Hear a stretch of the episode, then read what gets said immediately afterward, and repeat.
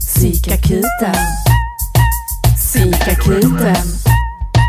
Psykakuten. Psykakuten med Tess och Issa. Hallå, hallå. Efter en långt uppehåll där både Tess och Issa har varit inlagda på psykakuten är de nu utsläppta, redo att spela in ett nytt efterlängtat avsnitt av Psykakuten med Tess. och Issa. Yeah! Äntligen! Crazy, äntligen! crazy, crazy. We're back! Alltså vi är så himla utvecklade nu. ja, nej men ärligt talat, det är ju det. vi har behövt ta en paus nu här. Ja. Eh, Både du och jag har växt på olika sätt. Mm. har Jag vi. på bredden och du på... Alltså psykiskt. Mentalt. På djupet. Du vet vissa resor, de sker på, i det inre Ja. snarare än det yttre. Det har varit så roligt för det har varit lite så när jag jag hade ganska mycket liksom där med min psykiska ohälsa efter sommaren och så. Och sen liksom trappa upp för att börja jobba igen. Och då hade du typ ganska lugnt, du hade inget att göra liksom. Och jag kände så här, oh my god, jag hinner inte spela in avsnitt, jag hinner, alltså att jag kände mig skitstressad. Och sen när jag fick det lite lugnare, då har du varit skitstressad. Så det har varit så att vi har inte riktigt matchat varandra liksom. Och vi kände väl ett tag att det blev en mer, menar att det kändes som att vi bara träffades för att spela in psykakuten. Och eh, det är kul att spela in psykakuten men det är inte kul när det bara blir då man träffas liksom. För det är inte nu förrän de senaste veckorna som vi har börjat hänga igen. För att Exakt. både du och jag har haft tid och ork. Exakt. Ja, Vi måste sakna varandra innan liksom. ja, ja okej. Så det var inte så det var för mig. men, vad härligt att du har saknat mig och velat ta avstånd från mig. För att kunna träffas igen. Skitnice. Ja men sist, du har ju lyssnat igenom eh, det se, se, Ja, senaste. det senaste avsnittet, då pratade vi lite om att jag hade börjat i KBT. Och vi hade min kille då, Arman, som gäst. Och han pratade lite om sin KBT och så här grupp-KBT och sånt. Ehm, och ja, jag gick ju där i KBT som en liten, om folk vill veta hur det gick liksom. Ja, eh, det var skit. Mm, ja, ja. Det var ett, eh, alltså jag, jag, hon sa en grej som jag ändå tyckte var ganska bra och det var att jag var ju väldigt stressad ehm, och kände att jag var otillräcklig och inte riktigt hade tid liksom med alla vänner och familj och ja, men det som skulle göra hemma. Och så blev jag lite så här passiv och bara låg och tittade på serier istället för att jag kände att jag orkar liksom inte all press och så jobba och så. Så det hon gjorde som jag faktiskt tyckte var ganska smart, eh, det var att hon ritade upp ett sånt här, eh, en cirkel. Och så delade hon in mitt, mina timmar på dygnet i tårtbitar. Och så skrev hon då, ja men nio timmar här är du på jobb. Och, och typ här ehm, eh, är laga mat som tar en timme. Här är gå ut med hundarna, här är träning. Så skrev vi upp, liksom, innan vi fyllde tårtbitarna, så skrev vi liksom upp vad man skulle göra. Alltså typ att ja, men jag behöver städa, jag behöver tvätta, jag behöver laga mat, jag behöver kolla serier, för det är ju, jag brukar alltid göra innan jag ska gå och lägga mig. Liksom. Um, sen sa hon ju till mig så att ja Therese, du har bara 24 timmar på dygnet och här är det liksom sömn och här är det eh, alltså jobbtid. Så då blir det typ två timmar kvar. Vad vill du göra med dem? Och jag bara, ja men det är ju inte konstigt att jag är stressad. Två timmar för att göra allt det man då tänker att man vill göra. Så då får man ju prioritera att ja, men idag är det städning och idag är det detta och idag är det matlagning och lite så. Så det, det fick lite perspektiv. Jag tänkte liksom, jag fattade där att okej, jag har inte tiden, det är därför jag är stressad. Så jag måste prioritera. Och så sa hon även att när du pratar med dina vänner i telefon, typ smsar, sociala medier eller pratar i telefon, då får jag räkna det som att nu har jag bockat av den vännen. Alltså nu har jag pratat med den. Medan för mig är det mer så, åh nej, jag har bara pratat i telefon med den och gud, nu har vi inte träffats på liksom fyra månader. Så får jag dåligt samvete för jag inte har hunnit träffa den. Ja, fast då räknas det typ som en träff genom att jag har ehm, pratat med den, helt enkelt. Så att eh, det, det tycker jag faktiskt var jävligt bra. Men sen så kändes det som att hon inte riktigt gillade mig så mycket. För Alltså, alltså, personligen. Ja, alltså jag vet inte om det var så, men hon poängterade väldigt mycket så här på min, hur jag var. Alltså så att jag blev lite så här självmedveten och tyckte det var obekvämt. Jag kommer inte ihåg om jag nämnde det i förra avsnittet. Men det kunde vara så här att jag kom dit och så hade jag inte hunnit, eh, jag hade inte hunnit så här eh, Eh, fixa håret kanske. Eller, alltså jag bara hade satt upp din tofs liksom och sen när jag kom dit så tog jag ner tofsen och liksom så här, ah, släppte ut håret. Och då kunde hon liksom sitta och säga så, ja, utseende, det är väldigt viktigt för dig. Och så kände jag bara så, va? Nej, alltså jag bara släppte ner mitt hår. Eller, alltså, men att hon la in en värdering i saker jag gjorde som fick mig så, okej, men, va, eller vad menar du? Alltså, och sen så mm, blev det även, eh, ja, alltså detta har vi inte berättat i podden, men jag är ju gravid i vecka 30. Eh, skitkul. Eh, vi ska få en liten son, jag och Arman, eh, i juli, så det ska bli så jävla kul. Men då i början av graviditeten, ehm, för vi försökte ett tag, liksom, men inget hände och så. Och det tänkte jag också att jag ska gå in på sen. Liksom. Men ehm, då så till KBT-terapeuten så berättade jag liksom, att jag hade varit liksom, orolig över, liksom, så här, för alla var ju typ så, Ja, men vi hade lite kanske negativa reaktioner från vår omgivning. Det var inte att alla bara var så här jätteglada, utan folk var lite mer, oj, nej vi säger inte grattis än, det har inte gått 12 veckor. Och 12 veckor är då det det ska gå innan man räknar att det brukar vara säkert. Liksom. För det är väldigt hög risk för missfall och så. Och då så kommer jag ihåg att när jag var i vecka 13 så sa jag till henne bara att nu känns det väldigt skönt att jag kan liksom lite släppa det, alltså och vara lite tryggare i graviditeten. Och så börjar hon så här, hon bara ja, ja Therese, för skulle du få ett missfall nu, då är det ju ett sent missfall. Man bara ja. Hon bara ja, och då, då vet du, det kommer ju komma blod och klumpar och alltså börja så här beskriva hur ett missfall ser ut om det då är sent. Och jag kände lite så här, Mm, kan du bara hålla käften? Jag sitter och säger att jag är ganska trygg i nu, att det är skönt. Så jag, jag fattar liksom inte. Jag blev så här, är det en tanke med det hon säger? Alltså har hon en tanke att hon vill så här trigga mig? Mm. Men i så fall vet jag inte varför, för det hände aldrig något. Alltså det var liksom bara som att hon slängde ur sig sådana sadistiska grejer som jag skulle reagera på. Och sen gjorde hon inget med det liksom. Mm. Så kanske hennes egna farhågor eller någonting. Men, nej men jag vet inte, och likadant så här, för jag har ju pratat om på jobbet att jag inte hade känt mig, då när jag liksom genomgick hela krisen på jobb, att jag inte hade känt mig så här trygg på jobb med mina kollegor. Och att jag hade pratat med dem om det och att jag kände så här, fan vad skönt att nu har jag faktiskt vågat liksom berätta hur jag har känt och att de liksom förstår det och att nu kan vi bygga upp något nytt liksom. Och då var det också att hon så här, ja jag tycker ändå inte du ska lita på dina kollegor. Och man bara, japp. Alltså att det kändes liksom som hon kom med massa personliga åsikter och det ska man ju inte riktigt göra som terapeut. Alltså jag tänker att hon är ju där för att ge mig eh, verktyg så att jag själv kan hitta min sanning eller vad man ska säga. Eh, men det var väldigt mycket personliga så här, liksom så, ja, triggers och ja, intressant, jag vet inte. För när jag hon gillar att provocera, om det typ är hennes eh, konst- njuter av att Nej, folk ja. mår dåligt. Som din inte. partner. Ja, precis. Provokatör nummer ett. Nej, Ja. jag ska bara. Nej, Nej, men- men, eh, mm, nej men det låter ju inte, som du sa, men det är väl det att ta med sig, det kunde räckt med den här tårtan kanske. Ja. Man tar med sig det. Ja, ja, precis. Men det var också typ en session av alla gångerna. Sen var hon ju så när jag mådde bra där och så, då var hon så, ja Therese, jag tycker inte du behöver mer terapi. Och jag hade ju ändå KBT lång, det var ju 20 gånger. Jag tror jag var där fyr, fem. Mm. Oj, okej. Ja, så jag var där inte så mycket. Ja. Nej men det är väl också det jag tänker som terapeut, man säger, nej men nu kan inte jag, nu känner inte jag att du kan, du kommer behöva min hjälp liksom. Mm.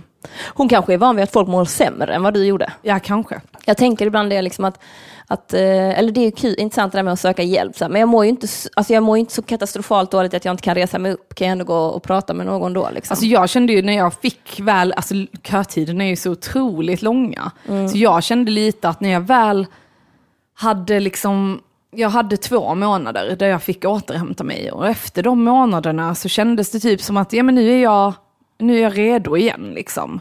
Ehm, Så att när jag väl fick tid och sen så kändes det som det var lite för sent eller så, för jag hade redan börjat, alltså jag visste inte riktigt vad hon skulle hjälpa mig med. Och jag var ju nyfiken på det och så här, hur ska detta gå? Men sen så tyckte jag det var konstigt. Alltså, ja, jag kände ju inte att det var så här, wow, detta har verkligen hjälpt, utan det är mer så här, ja det där tårtbiten var smart, resten var ganska mycket bullshit. Men den här tårtbitsgrejen, eller hur, hur ändra, alltså, har du ändrat Nej. någonting? Nej. Du är lika stressad? Nej, jag är inte stressad. Nej, det är bara nej. att jag inte... Alltså hon ville ju få mig att ta bort serier. jag kände så, ain't gonna happen lady. you don't know me. Det är mitt enda liksom så här me- meditativa, alltså där jag känner att jag får egen tid helt enkelt. Mm. Så det är skitviktigt för mig att kolla på det. Alltså, ja, och sen förstår jag folk som kanske inte har tv och tittar. Alltså så.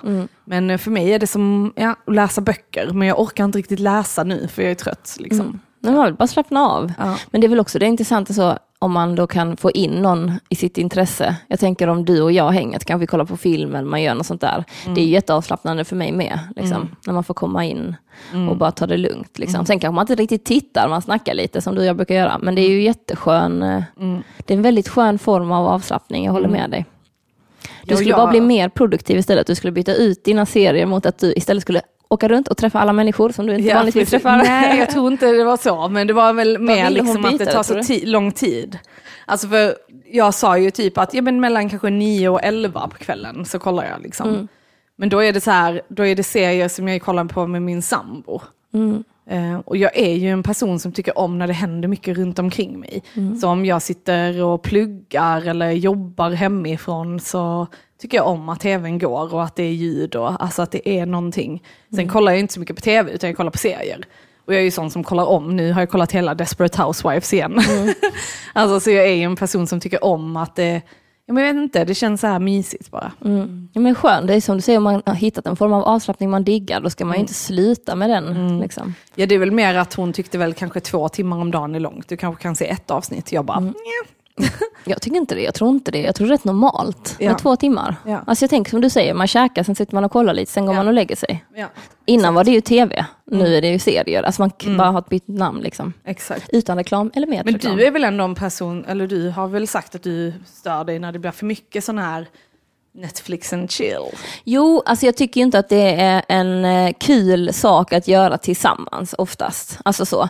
För mig är det eh, väldigt mycket egentid för mig att kolla på serier. Eh, först och främst, om man kollar på en serie med en annan människa så måste man vänta på den. Och det funkar inte när det är min egentidsgrej. Eh, klart att jag skulle säkert kunna ha en serie med någon, men då behövde jag ha något annat också till mig själv. Liksom. Ja, men det har jag också. Ja, men eh, ja, alltså nu har jag börjat kolla mer på serier ehm, än vad jag gjort innan. Ehm, och det har varit jätteskönt. Eh, det är liksom det här med att jag måste plantera mig själv i soffan ibland, för att jag annars är jag för aktiv för mitt eget bästa. Liksom. Och då är serier väldigt bra. Sen när det blir sommar och sånt brukar jag läsa och si- sitta ute och läsa. Då brukar jag inte kolla serier utomhus. Liksom. Men det är också det att läsning för mig, det kräver liksom att jag har läst hundra sidor och kommit in i det. Och den startsträckan är mycket svårare än att kolla på ett pilotavsnitt av en serie. Av någon anledning. Troligtvis för att jag måste liksom använda min hjärna. Alltså jag tycker typ det är så svårt i början av en serie. Alltså att det är så här, åh man vill ha en bra serie, shit vad bra den här var, och jag vill ha en ny sån. Men sen så är det så, nej jag orkar inte kolla på den, nej jag orkar inte. Alltså typ det är ett projekt att leva sig in i något nytt liksom. Men jag tänker också med hela det utbudet och att man har kollat på en serie som var den bästa och sen så ska man liksom, det är ju en, jag vet inte vilken av dem, men det måste ju vara någon form av kick, liksom, att man har en bra serie man tittar på och alla de här cliffhangersen gör ju att man bara, mer, mer. Ja, alltså det är Ge mig underbart. mer. underbart. Ja, nej men jag, jag tycker det är kul när man ber folk om serietips liksom, för att alltså jag vill bara ha serietips som typ handlar om eh, relationer. Eh, och jag, inte, jag, jag önskade verkligen att jag gillade så här eh, superhjältegrejer och sånt där. Nej, för att det verkar vara väldigt kul att göra det. Men jag gör verkligen inte det. Och inte för mycket våld. Det gillar, jag du inte heller. Game of Thrones och... Ja, det är Ja. lagom av allting. Liksom. Där får jag liksom lite av varje. Eh, men ja, jag har väldigt svårt. Jag har försökt kolla på den här Casa de Papel som många snackar om. Ja, men jag kan inte. Nähä. Jag bara känner att jag tycker inte det är ro- Jag tycker inte om kriminalare, jag tycker inte om sånt. Jag vet Jaha, inte. ja. Och sen, Jag är ja. ju sån som kollar mycket på deckare. Mm, Alltså jag nej, tycker, jag tycker om... inte det är kul. Alltså. Alltså, så Ja. jag har ju kollat, i början kollade jag och Arman mycket ihop liksom, för det är just det här med spänning och det är ett fall. Jag älskar ju när det är en hel säsong och så följer du samma fall. Alltså jag hatar när det är så här, oh, CSI, alltså att det är ett fall per avsnitt. Det gillar jag inte, utan jag vill gärna fördjupa mig i det. Det ska vara mörkt, det ska vara spännande och det ska vara att du får liksom inte fattar någonting förrän slutet. Det tycker jag är skit eh, nice. Så nu kollar jag ju på mycket sådana kriminalare själv. Eh, för Arman spyr nog lite på det nu för att vi har kollat så mycket. Men, eh, så det brukar jag. Och det har jag så, min farmor brukar alltid sitta och sticka och så kollar hon på kriminalare och så när man var hos henne så gjorde man alltid det. Så det är så, jag kopplade lite till henne. Det, ja. Det är ju mysigt, Mysigt. såklart. Men sånt som du säger att man Gillar du känns hemma. skräck? Nej, absolut att- inte. Nej, jag älskade det innan, men nu har jag blivit sån mes att jag gör för typ mardrömmar. typ som ett litet barn. Mm, nej, jag får mardrömmar utan skräck, så jag tror inte jag behöver skräck. Nej. Eh, nej, jag vet inte. Jag, jag, jag vet inte. Jag, jag, nu låter det lite lame, men jag känner mig för känslig för det. Ja. Alltså jag tar till mig så mycket. Det är därför jag gillar de här relationsgrejerna, för då sitter jag och gråter. Jag tycker det är så skönt att bara sitta och gråta, för att det är så himla jobbigt i den här serien och de älskar varandra så mycket. Jag vet, jag, det gillar jag liksom. Men om det blir för mycket våld, alltså jag liksom rycker fysiskt och tycker att det är jobbigt. Jag tycker också det är jobbigt. Typ jag gillar- Handmaid's tale är ju, alltså kan ju vara så himla jobbigt. Ja. Alltså, Jag, jag tycker inte om när man får se, alltså jag tycker inte om när det är så här, oh nu ska vi dra av en nagel och så visar vi det. Alltså jag tycker inte om sådana grejer. Ehm, men sen att se någon som har blivit mördad eller något sånt, alltså det har jag inga problem med. Men just, um, låter helt psykopat, inga problem med det. inga, inga alls. Men just när det blir för detaljerat i tortyr och sånt, då kan jag också blunda. Och min kille är ju, han är ju rädd för blod, så han är ju också så. så vi kan sitta och bara, men vad är detta för något?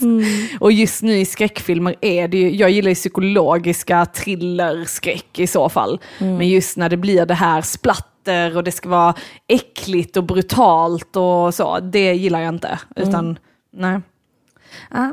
Men det, kan- det, är, det är kul med så här musikvideo som provocerar mycket. Eh, till exempel som Lindemann, eh, han som är sångare i Rammstein. Någon kompis till mig visade någon video som han har gjort. Alltså där han går ner på en kvinna som har mens, eller så det ska se ut som det. Alltså den var, det var liksom, det var, men det är vackert på något sätt kan jag tycka. Det är liksom brutalt. Det, det är konst. Det är och han konst. liksom biter av, biter av en åls huvud under vattnet. Alltså det är liksom, och han gör det på, det på riktigt. Alltså det kan jag tycka är skitfett. Ja. Men liksom så här, eh, att det finns en jävla läskig boogeyman som bor någonstans i något hus eller något barn som har blivit possessed av en demon. Det känner jag, fuck det. Alltså det Jaha, där kollar nej, inte jag, är på. Tvärtom. Men Ja. Ida, gillar du den filmen? Vad är det, den, han danska regissören som är helt sjuk i huvudet? Jag vet inte. Som har Vilken? gjort... The eh, Square? Nej. Nej, som har gjort eh, de här, eh, alltså det är skräckfilmen typ, och så är det bara helt sjuka... Jag måste fråga Arman. Arman, vad heter han danska filmregissören? Som, vad heter han danska filmregissören? Lars von Trier. Ja, Lars von Trier. Eh, kan du säga någon film? Eh, Arman, vilken film har han gjort? Eh, han har gjort eh, Idioterna, han har gjort eh, Riket som var en tv-serie. Men en sån äcklig skräckfilm. Där det är typ någon som skär av sin fitta eller något sånt. Nej, Nej. De är ute i skogen. Ja, Antichrist. Jag har inte sett dem. Åh, fy fan. Nej men alltså det, är inte, det, är en, det här är liksom en musikvideo som varar i tre och en halv minut Ja. eller tre minuter. Ja. Då kan jag liksom på ett helt annat sätt eh, uppskatta konsten. För där, alltså där, oh, alltså, åh. Nej men att skära av och se blod har jag liksom inget problem med. Det jag inte gillar är när man liksom, ja men troligtvis visar den mörkaste sidan av människan. Det tycker jag är skitjobbigt. Alltså typ så, eller att man hittar på att det finns en jätte, jättemörk sida hos en människa, typ som ett barn. Att den typ så, eh, typ så, nej men att den bara är oberäknelig. Alltså Ja. barn är rätt beräkneliga. De är liksom, har inte blivit så här jätte harmed än och skulle bete sig jätteilla, troligtvis liksom. Men det är väl det som är, ja, it's my nightmare. Men okej, vad har du haft för dig på sen det här halvåret som har gått liksom nu? Om vi... Jo, jag hade ju en lugn höst, precis som du sa. Och sen så bestämde jag mig för att jag skulle plugga kemi och fysik.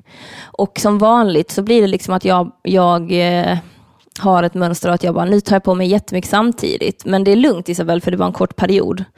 Men då eh, pluggade jag kemi och fysik, och det, eller kemi och biologi, och det gick bra. Liksom. Det var kul, det trodde jag inte jag skulle känna, speciellt kemi. Um, och uh, jag gick upp sex varje morgon och gick och la mig klockan nio, oavsett vilken dag det var. För att jag jobbade samtidigt. Och när jag vet att jag har, en, jag har liksom ett stopp, så kan jag göra så här. Men um, jag, jag, ja, då måste alla omkring mig inte ge mig något mer. Det är så jag är, för annars kommer jag falla ihop. Liksom. Och det funkar ju inte alltid så i livet, det kommer ju saker liksom mer. Så man ska, tips till alla, ha alltid utrymme för att något kan hända. Det brukar inte jag ha. Men ja, det gick skitbra i alla fall, jag klarade kurserna och det var skitroligt. Och sen drog jag faktiskt till Gran Canaria. Och så var jag där.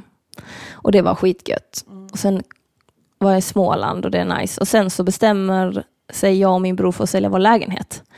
Och då och i med det så kommer det ju massa saker som är att jag tänkte ju nu ska jag ta det lugnt, snart ska jag eh, liksom släppa musik och videos och, och sen kommer detta och det gör att jag liksom under en månad gör detta igen, att jag går upp tidigt, jobbar, fast nu blir det liksom hantverksarbete och jobbar som fasen med det.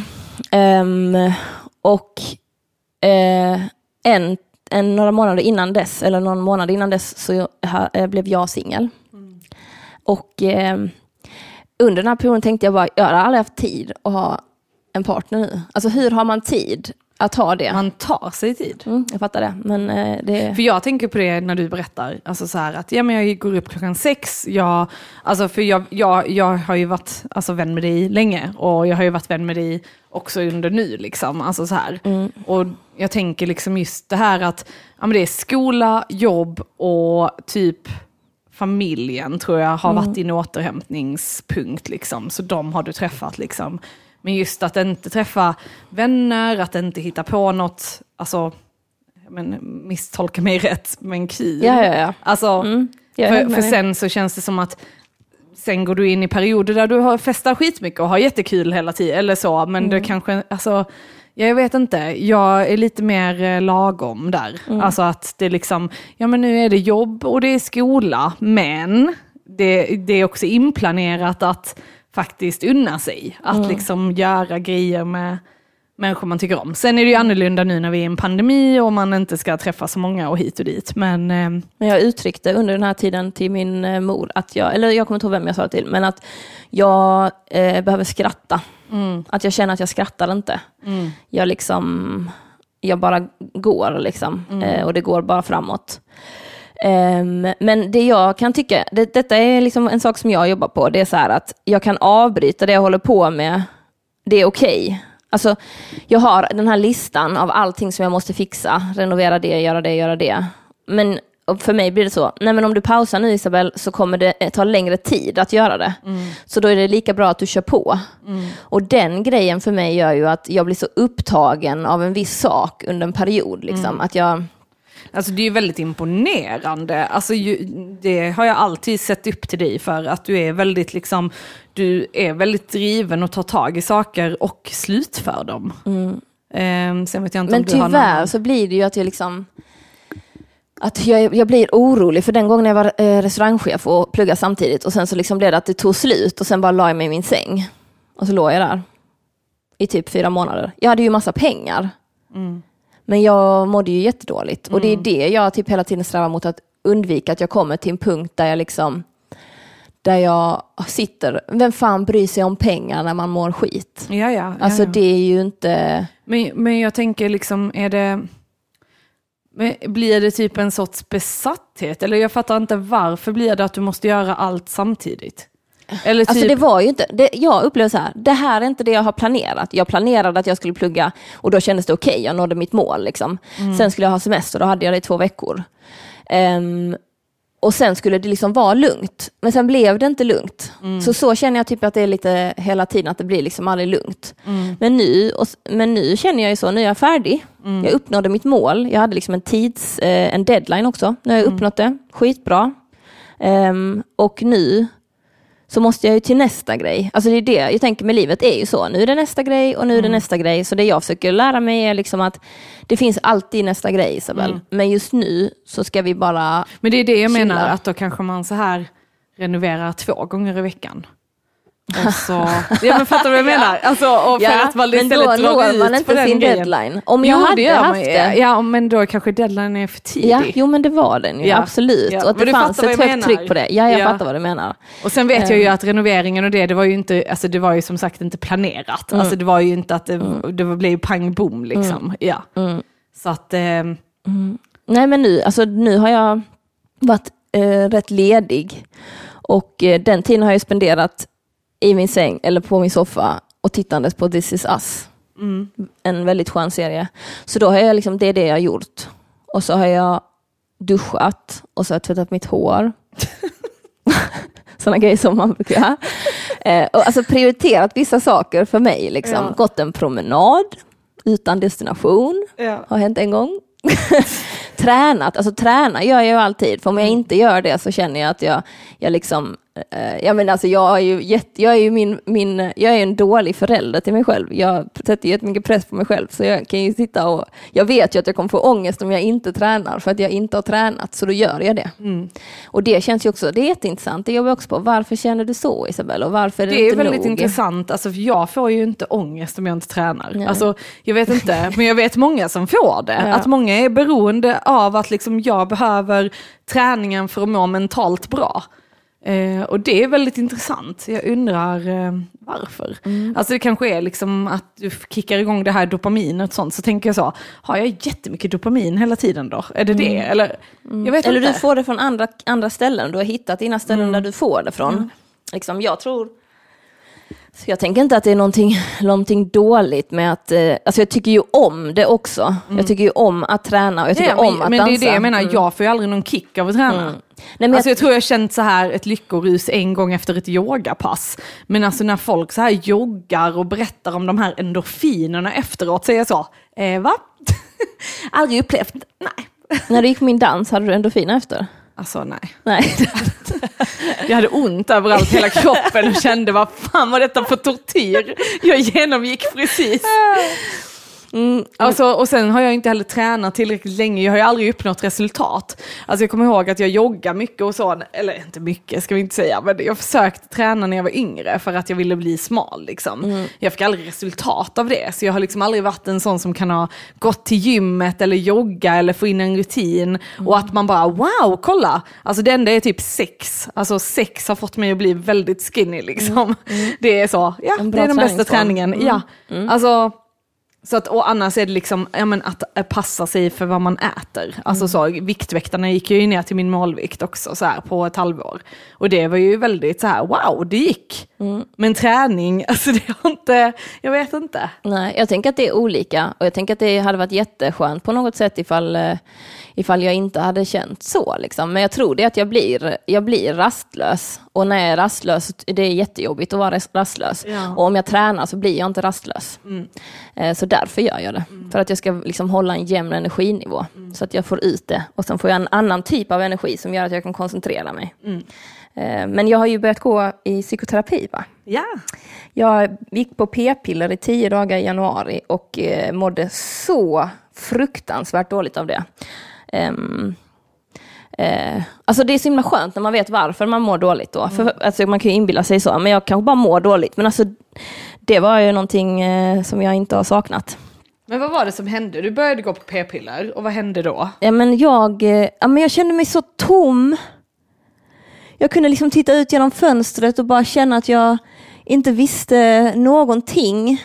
Att jag bara grät. Men jag liksom, du vet när man gråter finns det olika typer. Det finns den när man, liksom, när man och liksom så när man har ett ansiktsuttryck. Men den här gråten är liksom i stillhet. Det är som Bara rinner tårar Ja, längs exakt. kinderna. Och jag bara tittar ut där och jag bara känner mig så fruktansvärt eh, eh, ensam. Även om jag, alltså det var bara, jag, så kände jag, jag känner ju inte så här, vad är detta liksom? Så här tycker inte jag. Eh, och då kände jag väl att jag, eller då googlade jag billig psykolog. För att jag kände, alltså om, jag, om detta fortsätter måste jag ta hjälp liksom. För att det började få mig liksom att må så dåligt som när jag mådde som sämst. Alltså det här med, alltså inte, kanske inte så djupt som att jag det, det, alltså så, här, så här kan jag inte ha det för då kan jag inte leva. Ja. Alltså den grejen. Och då kände jag, nej men det här går inte.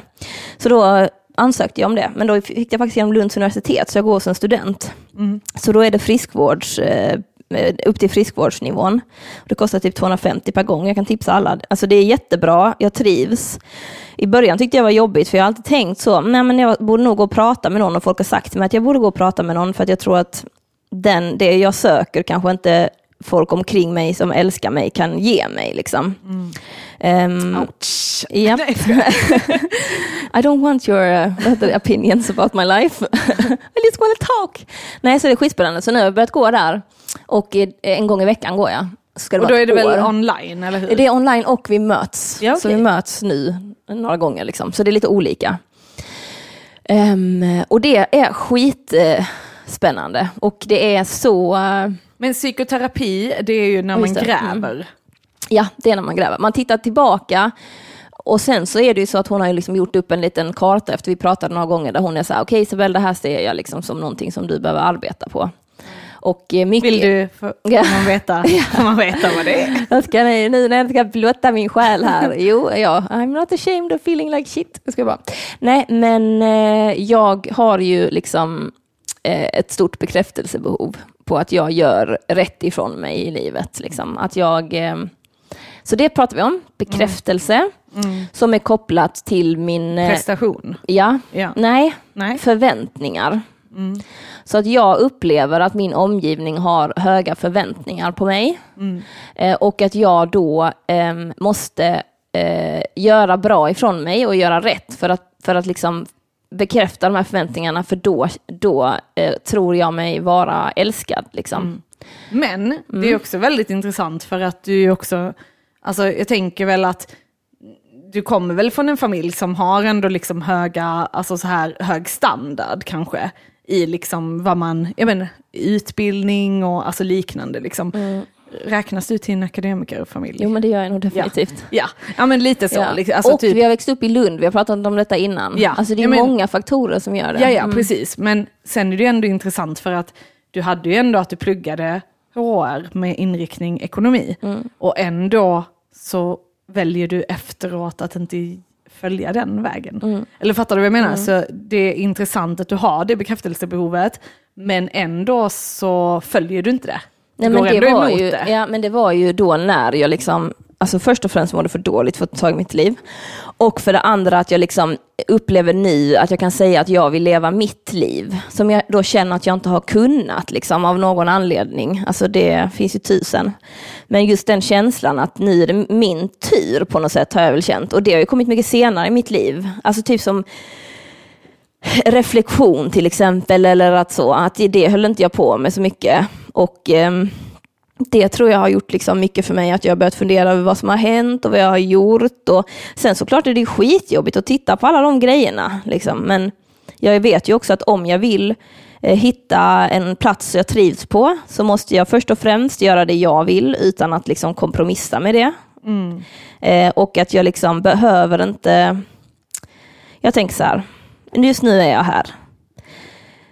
Om jag hade vetat exakt hur mitt liv kommer bli och vilka steg jag ska ta, då lever inte jag mitt eget liv. Då lever jag liksom ett liv som jag tror att man borde leva utifrån andra människors sätt att leva livet. Och att jag har liksom kommit till underfund med att Eh, den enda personen som liksom ska vara nöjd med min dag, det är jag. Och sen spelar det ingen roll. Sen bryr jag, har jag länge brytt mig om vad folk tycker om mig. Jag, jag, har ju varit, eller jag är ju rädd för att bli liksom utestängd ur gruppen och avvisad och sånt. Liksom. Eh, men det har ju alltid varit på bekostnad av mig och det är väl det jag känner att det funkar liksom inte längre. Jag vill inte ha det så. Jag vill liksom... Nej, jag är inte perfekt. Um, och jag har ett enormt driv. Eh, men jag måste liksom hitta någon slags balans i det. Att, att liksom, jag vill göra så himla mycket, men jag måste också vila. Och jag tror att det är det som jag hela tiden håller på och jobbar med nu. Att så här, du behöver inte alltid vara turbo-Isabel. Du behöver liksom inte alltid vara fixa det, fixa det, jag lagar maten, jag gör det, jag gör det. Liksom så. Ibland kan du också vara den som kanske bara sitter ner och låter andra människor göra det. Alltså att be om hjälp för mig har ju alltid varit jätte, har jag ju sett som liksom, nej men du klarar det själv. Och det är ju självklart att man skulle kunna klara hela livet själv. Men du man, jag behöver liksom inte det. Nu fattar jag det, du behöver inte det Isabel. Liksom, du gör dig en otjänst om du håller på. Exakt. Så att, eh, ja, så jag jobbar väl mycket med det och pratar om det. Och, Jag eh, undrar om folk, alltså jag har ju väldigt lätt att be om hjälp och Mm. delvis på grund av Ja, men när jag fick min ledsjukdom, att Mm. man blev liksom handikappad, du blev begränsad i din alltså, kropp. Mm. Och att man var tvungen då att liksom lära sig det. Men jag undrar om folk blir provocerade av mig för att jag har så himla lätt. Men det Alltså, kan ju säkert vara det. Liksom. Alltså att de då, alltså då kan det säkert, eh, så här, jag som aldrig ber om hjälp och du som, inte alltid, men oftast ber om hjälp. Då blir det väl kanske lite så provocerande för mig som inte gör det. Ja. Och då kan det ju vara den, kan hon inte göra någonting själv? Det finns ju Ja. massa olika Ja. sidor. Men sen samtidigt tycker jag att det alltså att be om hjälp är liksom något av det vackraste du också kan ge en annan människa. Mm. Liksom. Jag kommer ihåg, eh, jag var på någon fest, eh, det var i ja, men så här början när jag och man hade träffats, liksom, så var vi på fest hos hans kompis. Eh, och så var det en sån här eh, eh Coca-Cola-flaska eller något sånt. En sån en och en halv liter stunk. Och de har jag, alltså ibland med min ledverk så har jag jättesvårt att öppna sådana flaskor. Liksom. Eh, och särskilt om jag har liksom haft ett skov eller så, då kan jag ju inte öppna något. Men då var jag ändå tillräckligt bra för att gå på fest, men ja, jag dricker ju inte eller så. Men då bad jag Arman att öppna min flaska eh, till mig, framför hans kompisar. Och hans kompisar bara så här, oh my god lägg av, alltså typ för de trodde det var en sån här, ah, jag är en liten oskyldig tjej som inte kan göra någonting själv. Ja. Och jag behöver min stora starka man. och, och då var det ju direkt att jag bara kände så här, nej men alltså jag har faktiskt en sjukdom som gör att jag har svårt. Alltså, Och att det, ja, och då kändes det lite så, ja, men de drog ju slutsatsen direkt. Alltså så, mm. Men, eh, ja man bara, nej nej men alltså hon kan inte på riktigt. ja. jag bara, okej. Nej men det är väl det att man, som säger, man kommer från olika håll. Om man inte känner dig så vet man ju inte att det kanske är anledningen. Liksom. Alltså det är ju inte som att du bara, Isabel kom hem och städa min lägenhet. Alltså, jag behöver hjälp och jag bara, okej jag kommer hit och sen ligger du bara på soffan. Nu kanske det hade varit ett scenario som skulle kunna ha skett. Men det är också för att du är jättegravid och, eh, och liksom Ja. fortfarande har lite ledvärk, liksom, Ja, har lite issues precis. med det. Det, Inte som att det går bort. Men det känns ju typ som att det är så här, jag har inte haft ett skov i min sjukdom men det är liksom kroniska problematik för att man inte kan vrida handlederna på samma sätt eller alltså typ sådana grejer liksom. Så att, eh, mm. Jag tycker, det, jag tycker liksom det är jättespännande att, eh, att utforska anledningar liksom till eh, varför jag, jag känner som jag gör. Och därför tycker jag psykoterapi har varit jättebra för mig. Sen är det olika. Jag har haft ett behov av att prata. Alltså, i, jag kommer ihåg de, alltså det här med att be om hjälp. De första, gång, eh, första sessionen jag hade med henne, då bad jag om ursäkt för att jag pratar så mycket. För att jag bara kände, oj, nej men, eh, vill du säga någonting? Och hon bara, Isabelle, det är du som är huvudrollen i det här samtalet, så du får prata hur mycket du vill. Och sen kommer jag ställa frågor om jag vill, eller så, om jag känner att det finns läge, men du pratar ju bara på. Liksom. Och jag kommer ihåg, jag bara, men, ursäkta mig, eh, får jag bara... Jag behöver bara säga en sak till. Hon bara, ja Isabelle, du kan säga fler saker om du vill. så, så det är ju jätte, det måste vara så spännande för henne också, bara så olika människor som kommer in, någon som man måste liksom dra ur. Ja. Men jag är ju så här, du har tystnadsplikt, nu kör vi. Ja. Jag bara detta, detta, detta, så, så, så, si, si, si. Och sen är det jättekul att fundera. Ah, den händelsen, jag har inte ens tänkt på att den påverkade mig så mycket. Liksom. Klart att den gjorde det och varför fattade jag de besluten? Liksom. Och bara, hmm, okej, jag väljer kanske liksom människorna omkring mig utifrån min egen självkänsla. Liksom. Okej, mm, hur ser den ut då? Och vad, liksom, hur kan jag jobba med det? För att det är också jättekul. Här går man runt på jorden och folk ser den på ett visst sätt liksom utifrån och sen så Um, så man bara, vad är det, har du för bild av mig? Liksom? Vad är det jag har gett dig för bild? Uh, och det är ju också liksom, jag tror, alltså jag, det, det funderar jag mycket på så här, borde jag tro på min egen bild av mig själv eller andras bild av mig själv? Och sen upplever jag mycket att folk försöker visa mig vem jag är. Så här, Isabel, om du bara såg vem du var, eller så, jag ska ta dig hit så ska jag visa dig vem du är, så du fattar vem du är. Och det är rätt, eh, rätt olustigt liksom. För att det blir så, men jag är ju jag. Och jag tror inte någon kan visa mig vem jag är.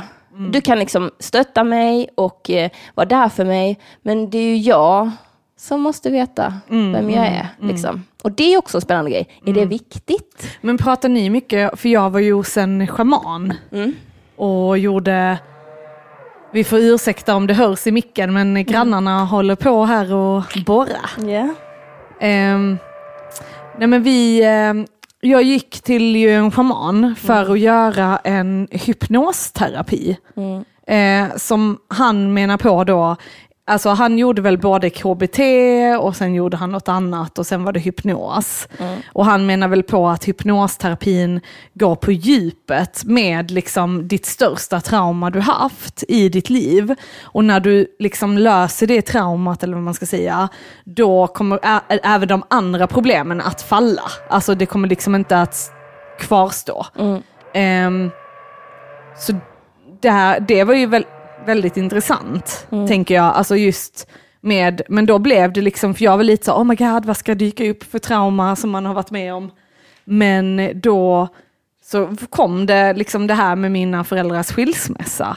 Men det som var intressant under hela, för och det vet jag ju om, alltså sen tidigare, det är ingen nyhet, eh, men jag trodde jag hade bearbetat det. Eller så.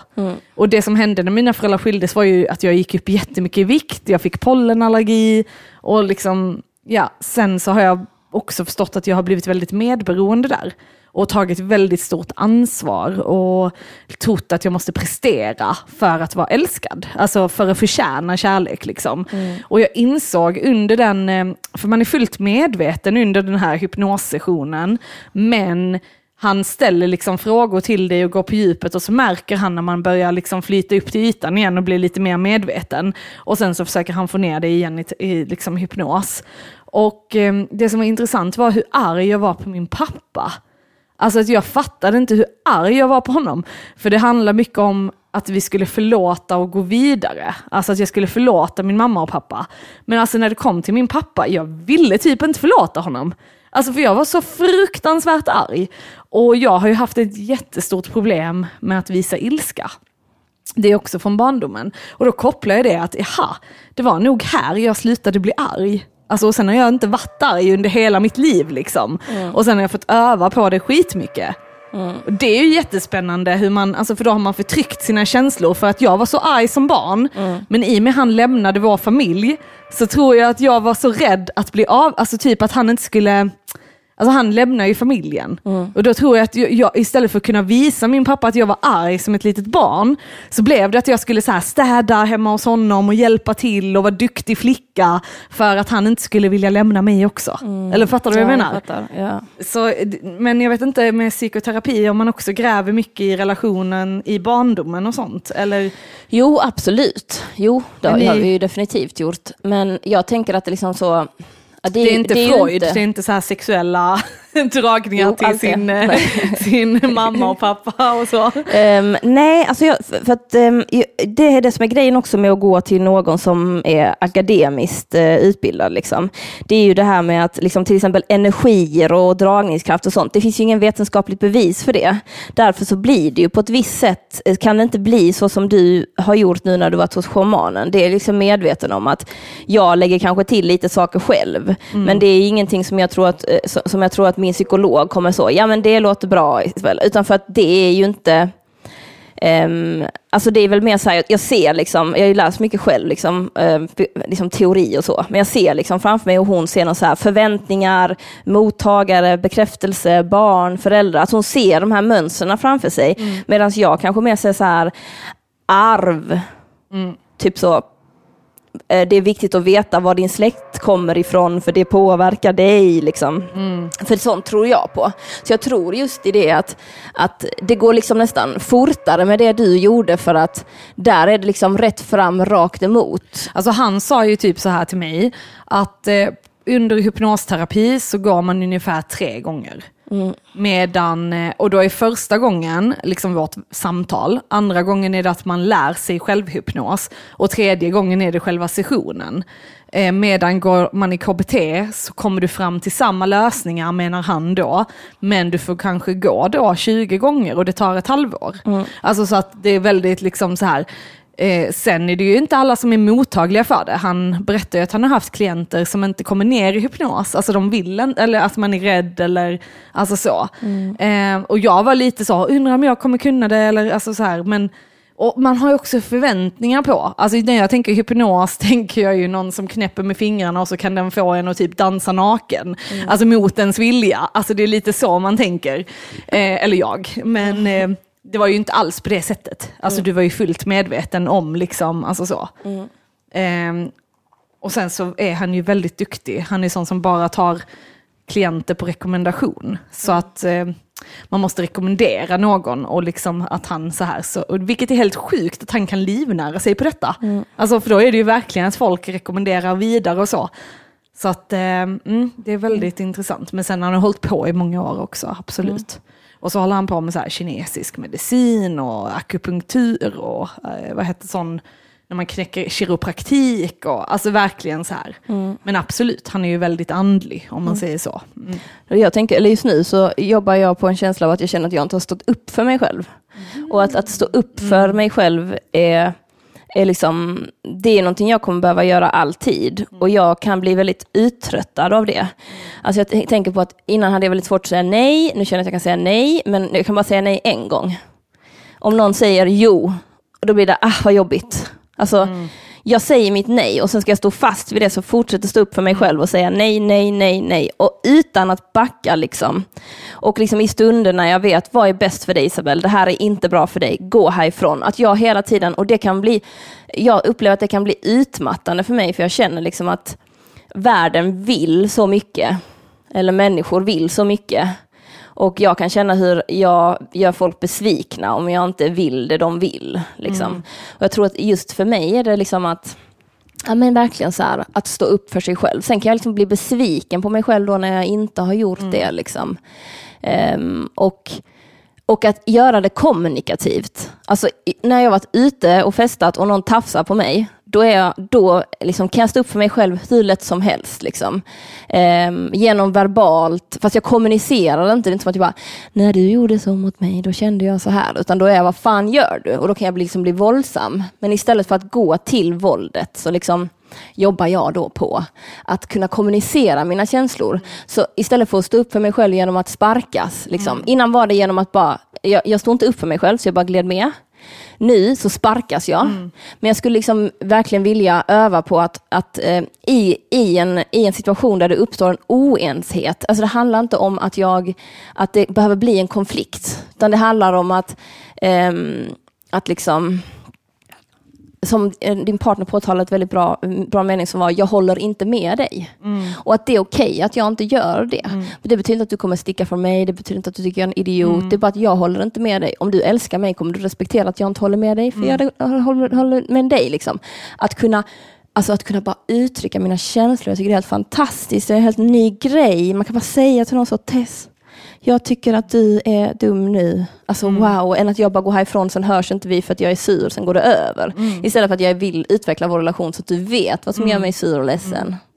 Alltså jag tänker att där är det väldigt så här, ja men det kan vara väldigt svårt med vissa personer och andra är det mycket lättare. Liksom. Alltså till ens föräldrar upplever jag att det har varit mycket svårare för att där har man en relation liksom. Och där har jag till exempel pratat med min mamma mycket om liksom, ja men typ att jag upplevde mycket skam under min barndom från henne. Och det har vi kunnat prata om nu och hon är ju inte alls medveten om det. Ehm, och då gör hon vissa grejer fortfarande som triggar den lilla flickans känsla av att jag är oduglig och liksom upplever skam. Och då har jag liksom blivit så, det kan vara också nu när jag är gravid, för nu är jag väldigt så här, och då blir jag så här, det är sådana här kommentarer jag menar. det är detta, alltså du vet att man bara säger nej, alltså nu räcker det, nu vill jag inte. Ehm, för att det typ, jag, jag vet inte om det har att göra med att liksom, jag tänker på hur jag själv vill uppfostra mitt barn. Alltså liksom och att bli medveten om sådana grejer. Liksom. Eh, men också att man blir medveten om att, ah, shit, jag har faktiskt blivit sårad på detta sättet av mina föräldrar. De har gjort sitt bästa, jag älskar dem alltså, över allt annat. Men det här kanske jag vill ta upp med dem som faktiskt de behöver veta. Alltså för att bryta mönster idag. Kanske om de alltså, hade redan slutat med det vet jag inte om man hade tagit upp det. Men, jag vet Men jag tänker också måste vara skitweird när man har haft så mycket makt över en annan person i så många Mm. år. På något sätt har ju föräldrar, alltså, de har ju makten över ens barn. De kan ju bestämma när man ska vara hemma eller vad, alltså, i, nästan i princip vad man ska ha på sig om de nu är så Ja. kontrollerande. Ja. Vad man ska göra, vad man ska plugga. Det är inte, alltså, tänker förr i tiden så var det väl bara så att föräldrarna bestämde allting. I Mm. princip vad det skulle bli, vilken skola du skulle gå på, vem du skulle gifta dig med. Mm. Och sen helt plötsligt har vi liksom fria val, men det betyder ju inte att deras åsikt kring vad de önskar för en. Mm. Sen kan man ju, det är jättelätt som förälder att sitta och säga, men jag vill bara att mitt barn ska vara lyckligt. Men samtidigt så tror ju alla att de har receptet på lycka. Ja. Och jag tror det är det som liksom, sen samtidigt så, jag tror inte heller att det är bra att bara släppa ditt barn och bara, ja vad du vill, bla bla bla, som den här Waldorf-dokumentären. Ja. Liksom bara, spela lite trummor. Bara, ja, Ja. jag lärde mig aldrig räkna, jag är inte en del av samhället. Klart att det finns liksom extremheter. Men också, jag funderar på det liksom att för mig handlar det jättemycket om acceptans och Mm. som du säger, alltså du kanske inte hade makten eller förståelsen att säga ifrån då, som jag inte hade heller. Men det kan jag göra nu. Mm. Exakt. Och det tror jag också, hur kan jag kommunicera detta på ett bra sätt? Mm. Eh, utan att det blir att vi skriker eller att jag inte vill träffa den här personen. Mm. Utan så här, hur uttrycker jag mina känslor? Och alltså det handlar ju, för mig, det är så många steg. Först måste jag förstå vad jag känner. Sen måste jag uttrycka vad jag känner. Sen ska mottagaren av mina känslor måste få mig att känna mig hörd. För om jag inte känner mig hörd där, så stagnerar allting. Och jag tror det är det som är det, som är det svåra i livet för mig i alla fall, att hitta människor som är villiga att lyssna. Det är liksom... Men, men jag tänker också lite så här att det, alltså man kan aldrig, man kan aldrig bestämma vad någon annan, hur någon annan ska ta emot det. Alltså jag kan känna att jag har alltid haft väldigt lätt i, eller lätt är fel ord, men jag har haft väldigt lätt att känna vad jag känner och veta vad jag känner. Men jag har haft väldigt svårt att uttrycka det till typ mina partners i relationer. Och då har det ofta blivit att jag har samlat på mig eh, ganska mycket. Och sen kommer det en grej som får bägaren att rinna över och då är jag så här, det här, det här och det här och det här. Och då har det ju, alltså till exempel med min nuvarande partner, då har vi liksom bestämt att du ska säga till så fort det är något direkt, jag då. Och han får inte bli arg när jag säger till. För att han blev överväldigad när det blev väldigt mycket. Och att hans mamma alltid hade gjort så med honom, vilket triggade honom. Medan för mig var det så här att jag ville vara till lags hela tiden, så för mig var det väldigt svårt att säga när det var minsta lilla. Eh, för det är svårt när du vill plisa någon annan och ha en lycklig relation, men det kan inte bli att det är på bekostnad av dig själv. Alltså det får ju inte vara så. Ehm, och sen absolut så får man väl kompromissa med vissa grejer. Att det här är viktigt liksom, men hur viktigt är det? Alltså, ja. Självklart. Eh, och också se sina egna grejer. Jag tänker just när det gäller kontrollbehov och osäkerhet och alla de bitarna. Liksom. För det är ju inte ens partners ansvar, det är ju mitt ansvar. Så det som jag har liksom nu i mina relationer till både vänner och partners eh, och familj, det är liksom att jag har ansvar att tala om för andra när jag känner att något är fel. Men sen är det faktiskt andras ansvar att säga det till mig också. För jag upplever att vissa personer som jag bråkar med, eller alltså där det blir ofta konflikt, när jag, och då kan det bli ofta konflikt när jag väljer att säga ifrån.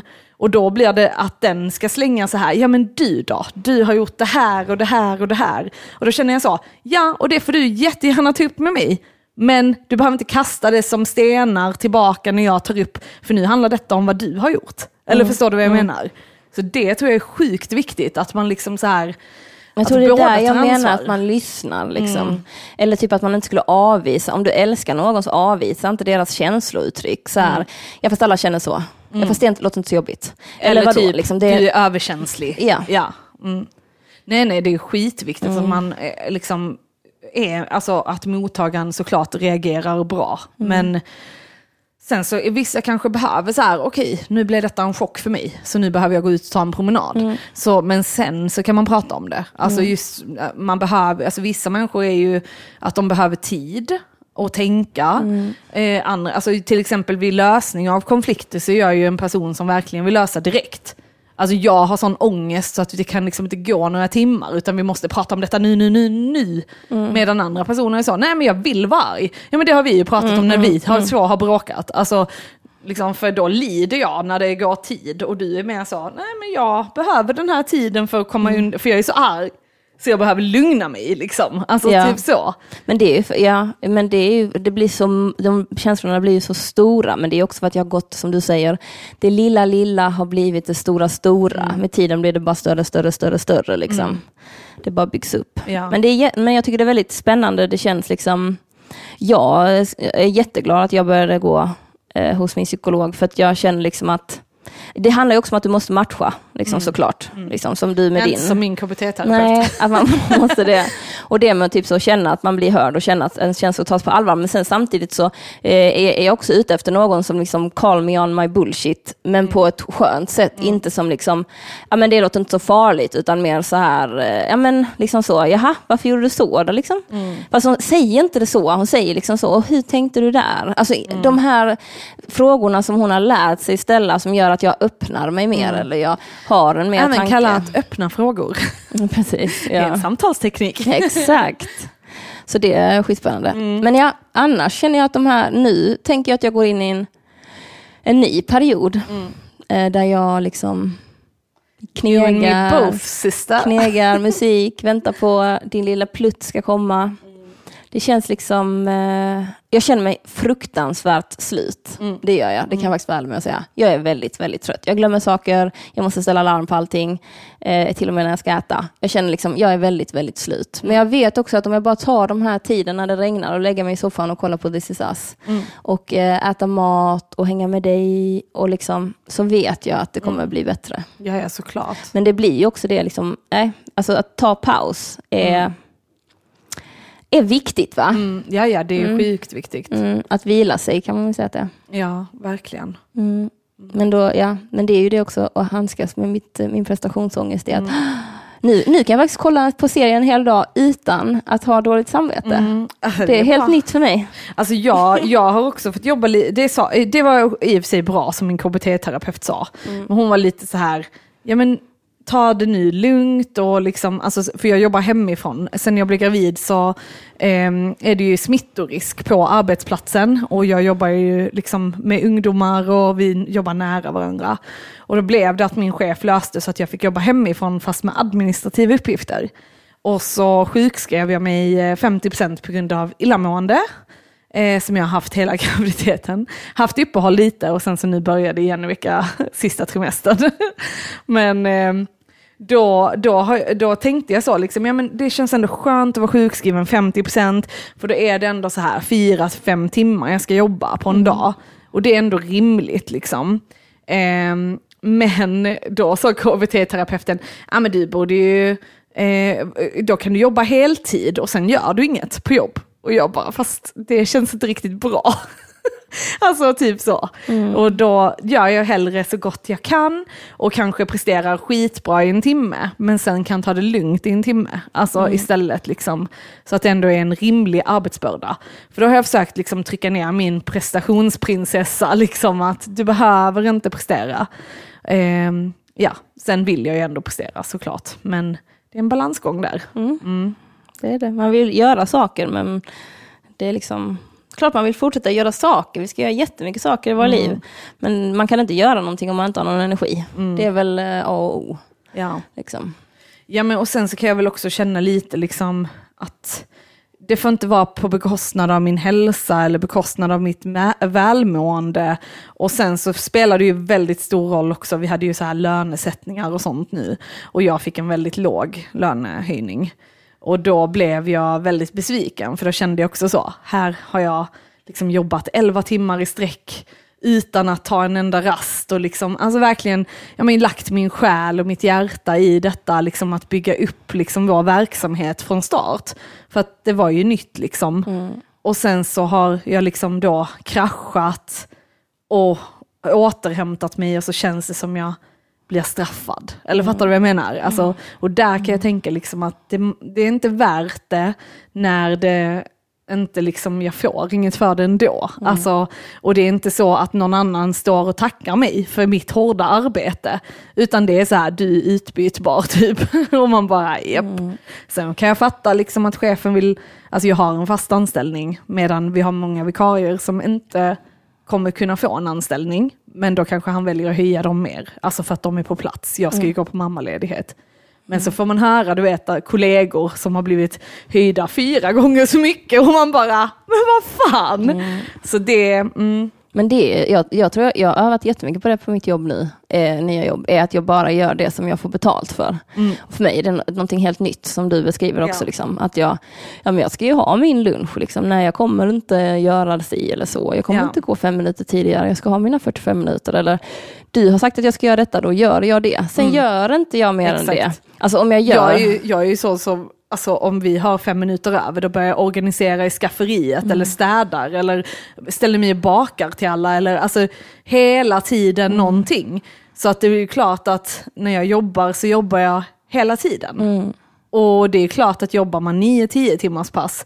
Och därför blir jag ju också väldigt provocerad av de som tar det väldigt lugnt på jobb. För då kan jag känna, era lata jävlar. liksom. Alltså att, ja. Men sen så å andra sidan, om, om det nu ändå inte spelar någon roll hur mycket man presterar, jag får ändå lika mycket höjning som den som sitter och gör ingenting. Då tänker jag, okej, då kan jag lika bra vara den som sitter och gör ingenting. Fast du kommer ju aldrig vara den. Nej, vet, men då tänker men- jag bara att man behöver vara den som bakar. Man kanske kan vara den som, typ så. Ja, men ibland på jobbet brukar jag ta disken för att folk är dåliga på det. Liksom. Även om det inte är min så bara gör jag det. Mm. Men jag stoppar mig själv också från att göra det ibland. För att ja, det är inte mitt jobb. Men om jag är sugen och jag har lite energi, då kan jag göra det. Mm. Men det är just den balansen. Liksom, att jag tror, jag kommer aldrig bli en latfis. Jag, det är inte i min natur. Mm. Men jag måste vara på en plats där jag blir uppskattad och där jag liksom, Mm. det är ju det som är så, så fantastiskt med att jobba för sig själv tycker jag. Mm. För då är det liksom, det är jag som styr och det är jag som bestämmer och liksom ehm, jag anställer utifrån det. Liksom. Mm. Ehm, om alla, alltså att också po poängtera vikten av att göra ett bra jobb. Liksom. Varför är det nice? Mm. Det förstår inte jag varför man inte pratar mer om. Liksom. Det går ut över den och den och så. Liksom. Men jag tror att, att, att för mig i alla fall så, att tro att jag skulle bli en lat person, det kan du ju glömma Isabel. Men att vi kanske eh, tänker en gång till och säger, is this necessary? Men det, ja, men sen är det också det här att man inte, alltså vi har jobbade mycket, vi jobbar ju liksom i team liksom och har liksom en vi jobbar med hela tiden. Och hon var liksom så, hon sa till mig så, men alltså hur har du koll på detta? Eller hur har du, alltså och liksom för jag, jag känner typ att jag har koll på så mycket olika grejer och lägger märke till detaljer och träffar jag någon så är det så här, oj har du färgat håret och gjort detta och detta? Och sen, alltså du vet att det är många människor som inte märker sånt. Eller, alltså, eller typ så här, ah, men nu har det detta ändrats i gruppen eller detta har hänt. Eller, alltså att jag ser det direkt och håller koll på det och eh, liksom detta ska göras. Och det, alltså, lite att man tar typ ett väldigt stort övergripande ansvar över liksom både verksamhet, kollegor, sig själv, ungdomarna. Alltså typ att det är så himla Medan andra är bara så här, de kommer till jobbet och typ ser inte alls de grejerna, utan de gör bara det som, alltså så här, ja men nu är jag bara med ungdomarna här och gör detta liksom. Och då blir jag så, fan vad skönt att bara ha ett fokus på det sättet. Eh, men sen kan jag ju inte ändra på vad jag ser, eller fattar du vad jag menar? Men Alltså- det där tänk, hör jag liksom, när du pratar nu hör jag så här, eh, förmåga att delegera. Om man är en person som kan se, det låter ju som att du skulle kunna funka väldigt bra som en teamleader eller som en verksamhetschef på grund av att du har den förmågan att göra det. Men då är det så, jag kan se vad som behövs göras. De kan inte se vad som behövs göras. Jag gör en lista, jag bestämmer vem som ska göra vad och då delegerar man. För då kommer det inte bli det, jag gjorde ett jättestort misstag med det när jag var restaurangchef. Liksom. Att liksom, eh, sen hade jag fantastisk personal som gick fram till mig. Då var jag ju chef och sa, Isabelle vad kan vi göra? Liksom. För att då fattade jag, okej, jag måste liksom, så då gjorde jag listor. Ska jag säga, det här är vad vi behöver göra idag. Och sen gjorde jag ingenting av det, för mitt jobb, det är att kolla över vad vi behöver göra. Och sen gör de det. Då gör jag någonting annat. Liksom. Men de behöver inte oroa sig att jag inte har något att göra. Men nu vet jag att de är sysselsatta. Ja, så jag tror det är svårt då när du är liksom en lik med, med någon och inte kan säga Ja, precis. till dem. Nej, men jag tycker Ja. det låter som att du borde bli chef. Nej, jag tror inte jag passar så bra som chef. Jättebra ju. Du, du, du är ju redan det, det är bara att du är också Jag anställd. har läst i mitt stjärntecken att vi inte passar som chefer. Du vet att man kan välja att tro på stjärntecken Nu har faktiskt ibland. stjärntecknet talat. Ja. kul. ja, nej men absolut. Ja, Det nej, vi finns börjar väl det oss ett helt avsnitt. Jag börjar få ont i ryggen här Ja. och sitta på stolarna. Ja, men det kan vi inte ha mer. Nu Nej. måste vi gå tillbaka till liggande position. Men jag vill ju faktiskt, det får jag ta i nästa avsnitt, för jag skulle jättegärna vilja prata om eh, lite om min graviditet Mm. och allt sånt här och hur det hände. Och, ja, eller ni fattar ju hur det hände. Eh, Jag har ju mycket erfarenhet av detta som jag kommer kunna delge eh, om graviditet. Eftersom att jag aldrig varit det så är det den vinkeln. Exakt, exakt. Alla vi som inte varit gravida Ja. kommer njuta av nästa avsnitt. Det ska vara. Vi kanske kan ha en liten gäst också. Någon annan som har varit det. Mm. Absolut. Det är skitgött test. Det är jättefint att du ska få en bebis. ja, Mm. det är det. Ja. Yes, men tack så jättemycket för denna veckan. Ja. Och om ni vill stötta oss kan ni gå in på patreon.com snedstreck, eller sa jag fel? Ja, nej, jag vet Nej. inte. .com snedstreck psykakuten. Ehm, ja, det vore skittrevligt nu när vi sätter igång igen. Exakt, jag tänker också så. Förhoppningsvis kommer vi liksom göra lite mer regelbundet nu och liksom vi, nya tag. Liksom. Mm. Vi Eh. känner att vi har energi och då är det kul att Precis. ge den. Och om ni har några idéer på samtalsämnen ni vill att vi ska prata om eller gäster ni vill att vi ska bjuda in så kan ni skriva det på vår Mm. Eller skicka Facebookgrupp. in eh, fråga till Suissa. Ja. ja, det var länge sedan. Ni behöver stöd. Ni vet ju, vi Ah, så himla kan ju taggad. allt, vet ju allt, så det är bara att fråga oss. We're not lost in this world just like you. Tack för den här gången. Ja, tack så jättemycket. bra. Skönt att vara tillbaka. Ja, det är det. Hej då!